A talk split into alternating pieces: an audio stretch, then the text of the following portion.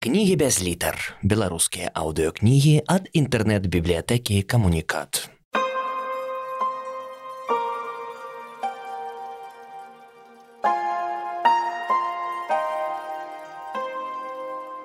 Андрей Федоренко Дикий лух Раздел пятый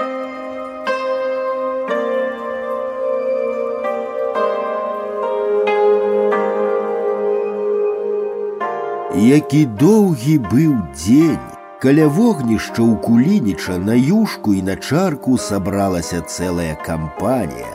Толькі Пятро кветка адмахнуўся. Мне з вашай кроплі толькі рот памачыць, а крыку ад маёй будзе. Там у яго свой агеньчык і валя топчацца.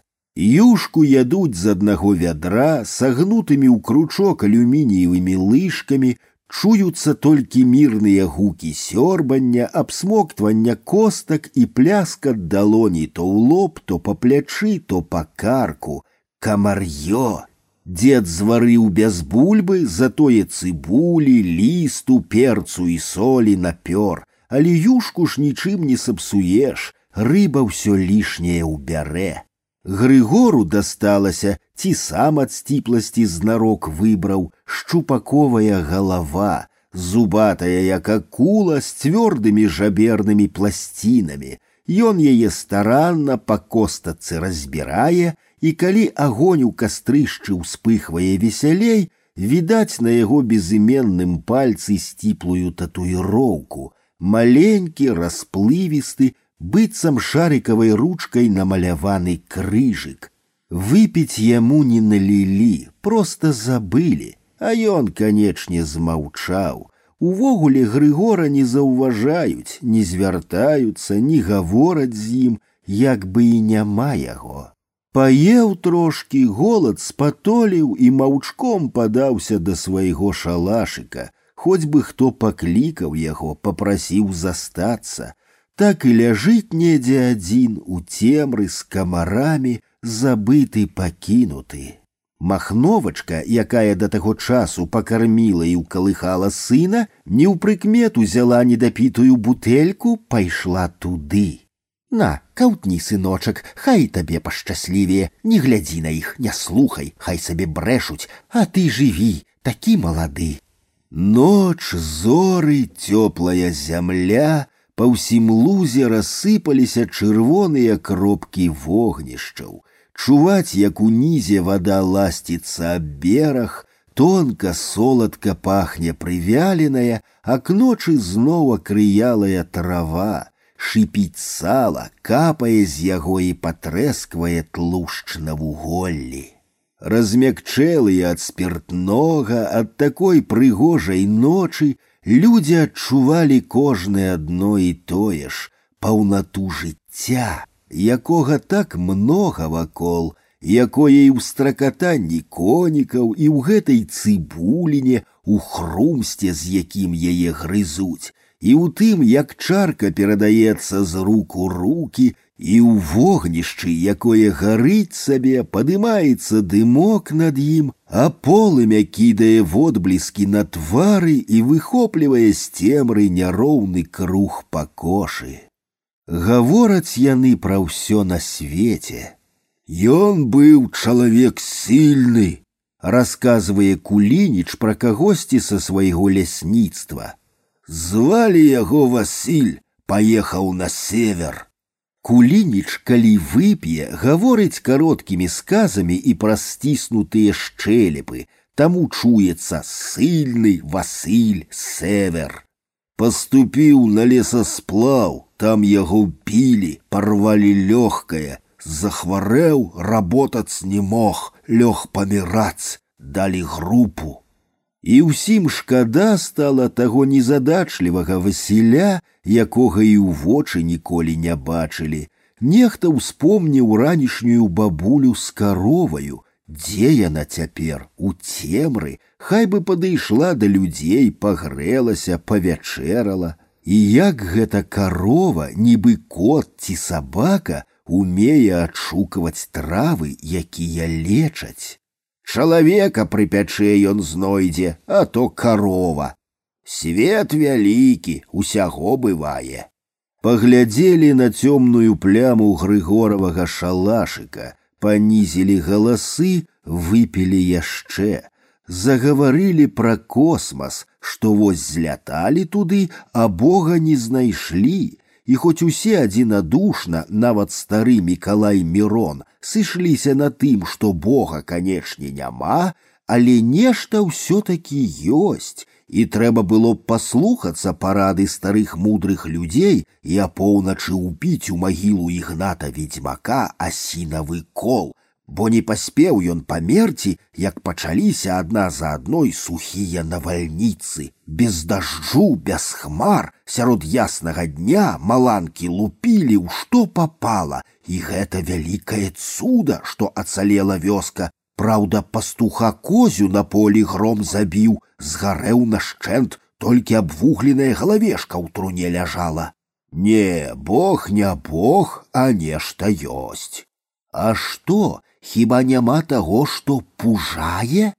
Словам пужае завецца ўсё неверагоднае, містычнае, невытлумачальнае. Найчасцей яно існуе чамусьці ў выглядзе вогненнага шара памерам з футбольны мяч. У кожнага ёсць у запасе гісторыя. Неяк вяду веласіпед уночы, коціцца клубок вогненны, жарам гарыць, пужае, я подскочыў, як урэзаў нас цаком, клубок як запішчыць, як кінецца ўцякаць, я цябе навучу, я табе папужаю.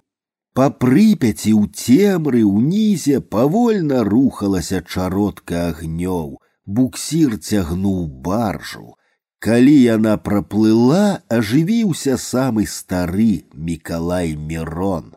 А то адзін раз было, я ў войну іду з чыгункі, іду, едзе мадзяр на веласіпедзе. Я перш падумаў немец, вінтоўка за плячыма теляпаецца, я шапку зняў, ён едзе, я добрый дзень даў, ён едзе, я гляджу, мадзяр, надзеў шапку, ён едзе. Вінтоўка, праўда, за плячыма, я саступіў з дарогі, Ён едзе. Мікалай Мірон нарадзіўся ў 1900 годзе і як у 14 гадкоў пайшоў працаваць на чыгунку, так і звікаваў на ёй. Улады мяняліся, а ён адзін быў нязменны. Без чыгункі ніводная ўлада не абыдзецца, Ён і служыў кожнай уладзе, царской, пролетарской, польской, нямецкай, савецкай. А ўжо якія там былі цягнікі, чые яны і што на вагонах напісана, якія штэмпелі стаялі, яму было ўсё роўна. Здавалася б, які лёс, якое багатае на падзеі жыццё, чаго толькі чалавек не набачыўся, колькі ўсяго можа расказаць, а нічога падобнага. На самай справе ён ніколі не быў далей свайго райцэнтра, ні служыць, ні ваяваць чыгуначнікаў не бралі. Увесь яго светапогляд абмяжоўваўся двума перагонамі ў два бакі ад станцыі каля вёскі. Нават калі аднойчы мужчыны паднялі пытанне на такую здавалася блізкую яму тэму, Чаму цягнікі з гладкімі коламі не звальваюцца з гладкіх рэек, і тут ён нічога не змог адказаць, прамямліў, што можа таму, што колы магнітныя і прыліпаюць да рэек. Я іду, мадзяр едзе.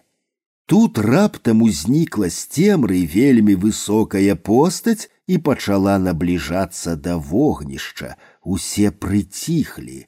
Постаць наблізілася, ўдвая паменшала, і ўсе ўбачылі, што гэта іхні брыгадзір, стась маслоўскі, і вельмі ўзрадваліся яму, кожны зрабіў рух, што хоча пасунуцца, хоць месца хапала. Сядайце, стась Касперавіч, сюды тут мягчэй. Юшкі засталося, хоць і прастыла, затое шчупаковая. Брыгадзір пахіснуўся, відаць ад таго, што выйшаў з цемры да святла. А я лодкаю попрасіў рыбака лодкай перавёз мяне рачное таксі і засмяяўся крышку гучней, чым трэба, і твар у яго падалося быў чырванейшы, чым звычайна, але гэта, канечне, ад агню, ва ўсіх твары чырвоныя.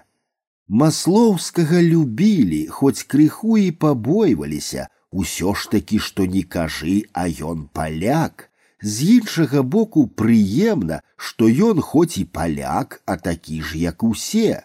Есть штаны носіць, гарэлку п'е, і ўсё адно за тое, што ён паляк, было чамусьці шкада яго. Любому чалавеку, відаць, сорамна жыць не на радзіме, няўтульна, і таму маслоўскага заўсёды стараліся падбадзёрыць, лішні раз сказаць добрае слово вядомая беларуская рыса, гэтая перабольшаная гасціннасць да іншародцаў, каб не дай бог не пачувалася ім тут горш, чым дома.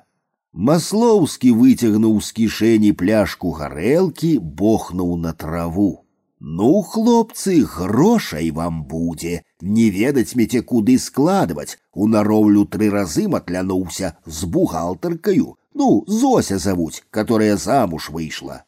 Як пачулі пра грошы, як убачылі яшчэ выпіўку, узбудзіліся, заганарыліся, пачалі набіваць цану сабе сваёй працы, калі так добра плацяць, дык мабыць жа ёсць за што.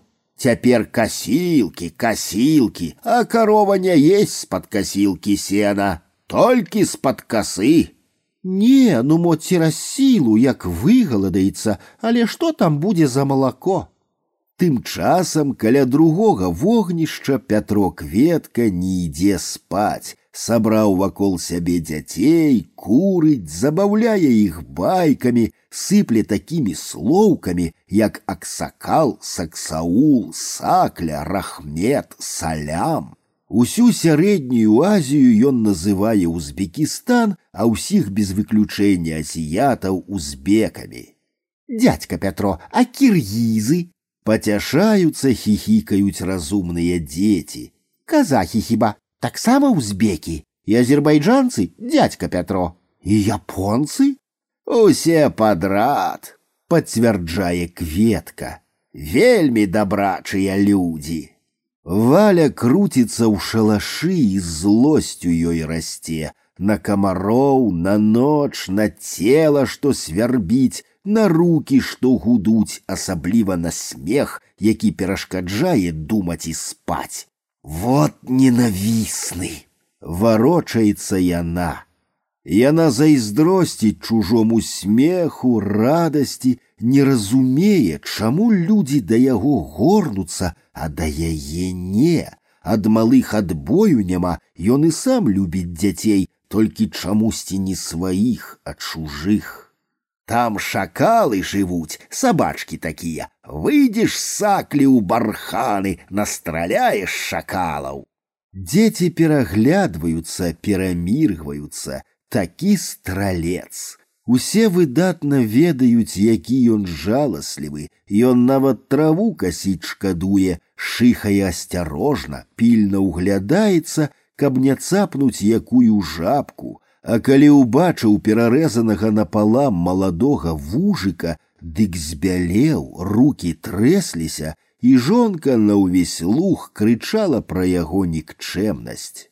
Заходзім у кішлак правым ходам у чайхану, духан па-іхняму. Там з чайнікаў віноў піялы наліваюць. Ад душы няма грошай, бясплатна нальюць, такія ўжо дабрачыя людзі. Нарэшце валя не вытрымлівае і тумакамі гоніць яго спаць. Тухнуць пакрысе адно за адным вогнішчы, а на небе наадварот большае зорак і ярчэй разгараюцца яны, і недзе тут паблізу начуе адзінокая баба з каровай. Назаўтра да обеду скасілі, да вечара высушылі і ў акуратныя копы склалі.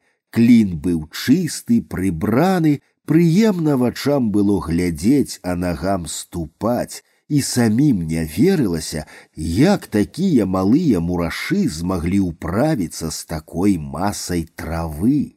Больш не было чаго рабіць, падплыў паром, а людзі не спяшаліся, усё стаялі, гаварылі, Хацелася яшчэ хоць крышку тут пабыць у гэтым цудоўным месцы.